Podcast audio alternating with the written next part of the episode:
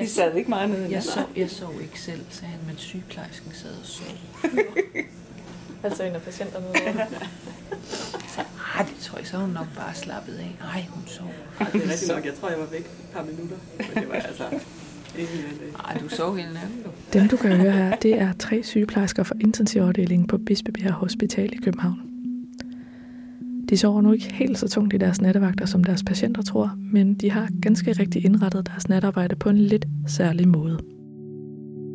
I den her udgave af Sygeplejerskens podcast kigger vi nærmere på, hvad der egentlig sker med din krop, når du arbejder om natten. Og så skal vi med Katrine Thomsen og hendes kollegaer på nattevagt.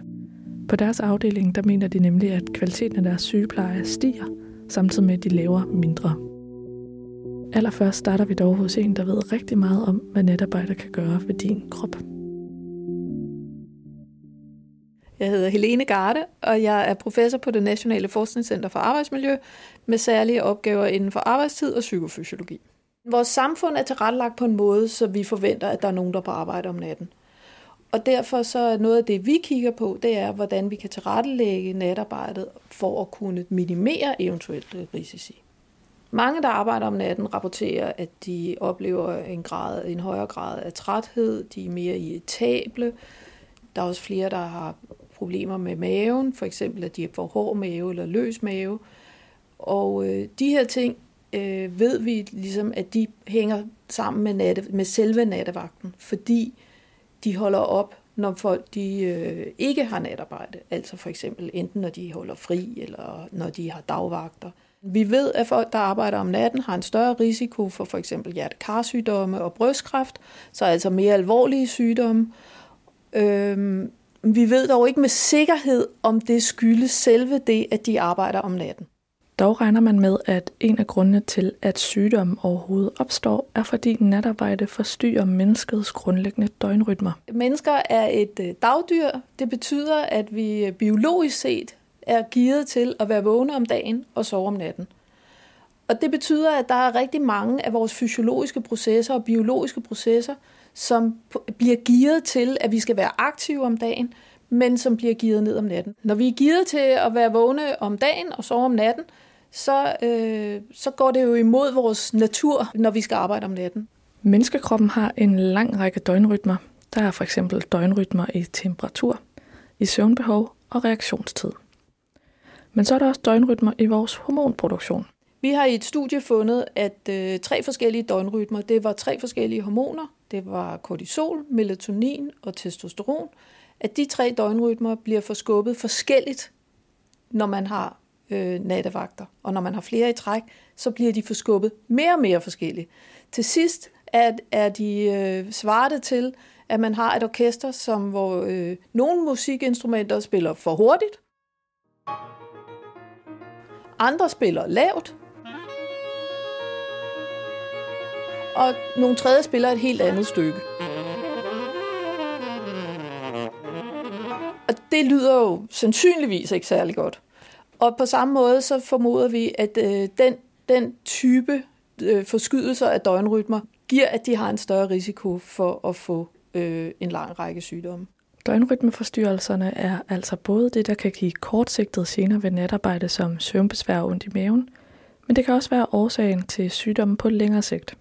Hvordan indretter man sig så, når der nu engang skal være nogen, der passer patienterne og borgerne om natten? En anbefaling er, at man simpelthen minimerer mængden af natarbejde. Og det gælder selvfølgelig øh, minimere antallet af personer, det er nødvendigt, der skal på natarbejde. Men der er også en idé i, at øh, dem, der er på arbejde, ikke skal lave alle mulige ting, fordi de er faktisk i deres krop gearet til, at øh, de faktisk skal sove. Og derfor øh, kan, der, kan der være en fordel i, at man minimerer øh, mængden af det arbejde, de skal lave. En del af løsningen er altså mindre arbejde om natten. Men hvordan kan det lade sig gøre rent praktisk? Vi har været med Katrine Thomsen fra Bispebjerg Intensivafdelingen på Nettevagt for at se, hvordan de har løst problemet. I hverdagen, hvor vi møder kl. 23, så, øh,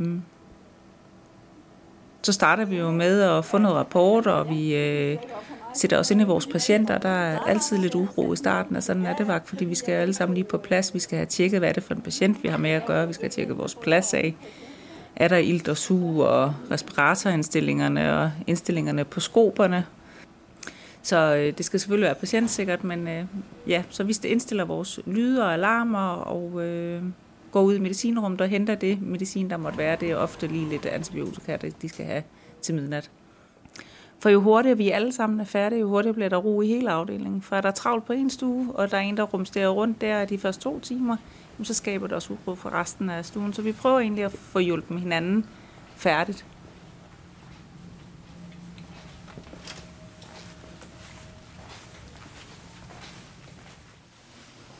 Godt det der med alt organiseret, hvem folk ved, hvad de skal. Og sådan så man kan planlægge lidt ved at få skrevet og øh, ja, også ved de, at dem, der skal i aktion, jamen, så kan det være, at de sætter sig lidt før og hviler, hvis der, er de, der kommer en patient klokken 4. Ikke? Ja.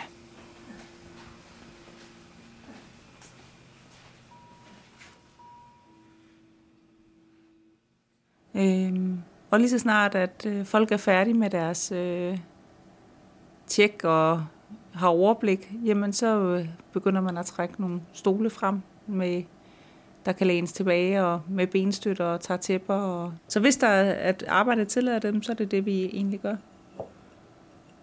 Mm. Bliver det ikke meget langt nat, så? Jo, det, der er jo nogen, der synes, det kan være utrolig lang, langsomligt at have sådan nat. Og, og, og, øh, men, men jeg tror, det har hjulpet, at vi har de stole, vi kan sidde i, og at man lige kan sidde og blunde.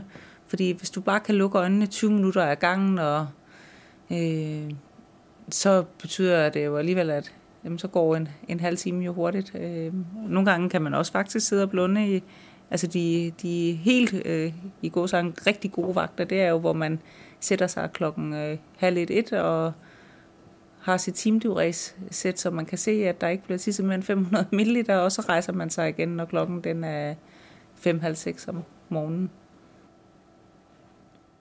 Hvis man hviler sig eller tager powernaps, som de gør her på Katrine Thomsens afdeling, så kan det have flere fordele. Det forklarer Helene Garde her. Der er nogle studier, som viser, at powernap er godt for, øh, for, for følelsen af at være frisk, og, og også øh, betyder noget for ens reaktionsevne. Så derfor kan powernap være, være en, øh, en, en, en god måde at, at, at gøre det lettere at komme igennem natten, og måske også øh, at reducere risikoen for fejl og ulykker. Hvileperioderne er faktisk ikke kun noget, som hjælper sygeplejerskerne gennem nattevagten. Det kan også vise sig at være til gavn for patienterne. Det mener Katrine Thomsen i hvert fald. Det giver ikke mening, at, øh, at man skal presse hjernen der, hvor den øh, er bygget til at slappe allermest af. Og jeg tror, at de fleste skader eller de fleste utilsigtede hændelser, vi, vi skal mellem to og fem om morgenen, eller, altså man, man har brug for at hvile sig, øh, og, og at hjernen ikke skal være i gang, for den er ikke, den er ikke i stand til det.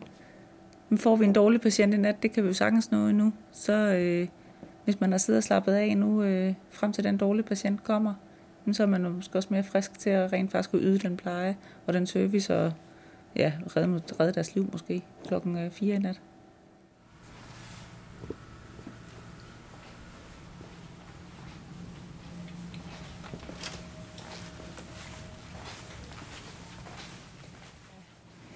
Hvem er man, når man er hvad hedder det, på arbejde, og hvad er det for et signal, man sender ud? Og nu har jeg jo bare haft meget fokus på det, så jeg tror også, jeg skaber en anden ro ved at gå og slukke ned, fordi det indikerer også, nu er der ro. Og man kan sige, det er lyset, jeg ligesom har fokus på i øjeblikket, både på skærmene og i afdelingen. I første omgang har det været, at vi har kunnet slukke øh, i gangene og inde på stuerne og så, så tager det et halvt eller et helt år, så er vi der, hvor alle andre også går og gør det.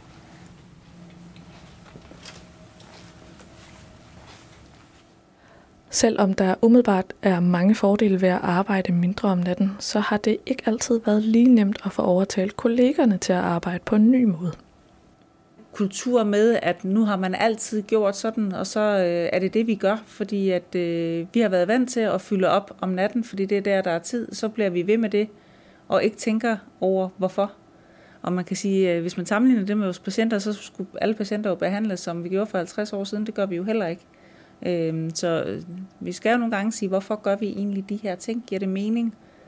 Øh, så ja, kulturændringen er, er svær for sygeplejerskerne, og det her med at, at prøve at få dem til at indse, at det er for deres bedste. En af vejene til at få sygeplejerskerne til at ændre på deres arbejdsvaner har faktisk været ved at have fokus på patienterne. Der har været en tradition for inden for intensivplejen, at man har lavet mundpleje, der var øh, hver tredje time, og dryppet øjne hver tredje time, og vendt hver tredje time, døgnens 24 timer. Øh, og når man har været indlagt på anden eller tredje uge, eller, så tror jeg, alle kan forestille sig, hvordan det er at blive vækket hver tredje time. Så da CNS-gruppen kom ind i det, der begyndte vi også at drøfte plejen omkring patienterne. Var det nu den gode pleje, vi gjorde ved at vende dem? Vi vender ikke alle patienter, vi vender dem, vi fagligt synes skal vendes. Altså er der afføring, så vender vi jo selvfølgelig og vasker. Øh, er det en, der har et tryksår, jamen så er en vending ikke nødvendigvis over på den anden side. Det kan også sagtens være, at man ligger på siden, når man rykker i den dyne, der ligger i ryggen, så man ikke vækker patienten øh, og bare trækker i den. Øh, ja, så CNS-gruppen er jo faktisk også været inde over i forhold til, øh, til arbejdsmiljøet. De har bare øh, set det fra et patientperspektiv, og ikke tænkt sygeplejerskerne, hvor jeg har hele tiden gået og tænkt øh, klappet i mine hænder, fordi at når, når der er noget, der er både godt for patienter og sygeplejersker, så er det jo win-win for alle. Fordi jeg synes jo, kvaliteten er højnet ved, vi laver mindre. Det er jo det, der er så skægt, at, øh, at man rent faktisk kan gøre noget, der øh, kommer patienterne bedre til gavn ved, at vi som sygeplejersker skruer tempoet ned.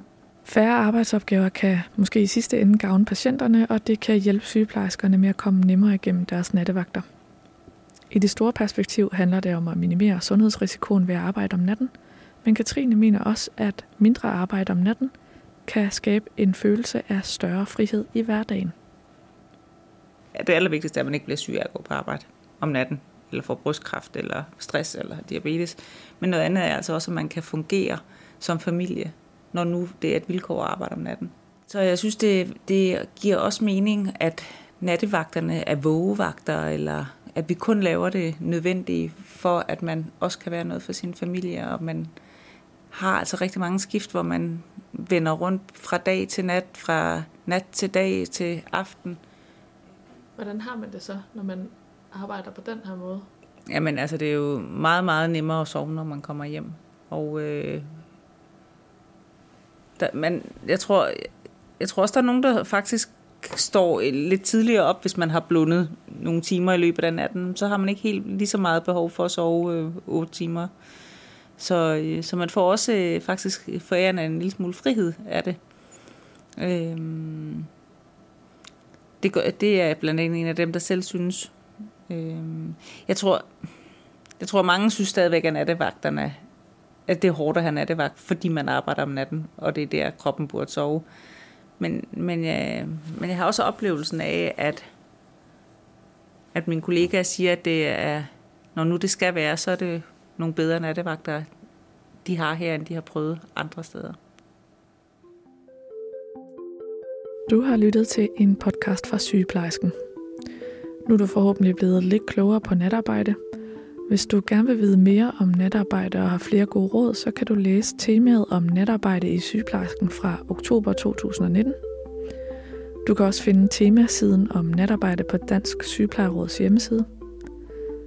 Inden vi slutter helt, så får du også lige Katrine Gams Thomsens tre bedste råd til din nattevagt. Først og fremmest skal du undgå te, kaffe og chokolade efter klokken 4 om natten – du skal dæmpe lyset i afdelingen så ofte og længe det er muligt. Og så skal du prøve at anskaffe gul lys til din computer, eller i hvert fald skal du justere det så langt ned, som du kan.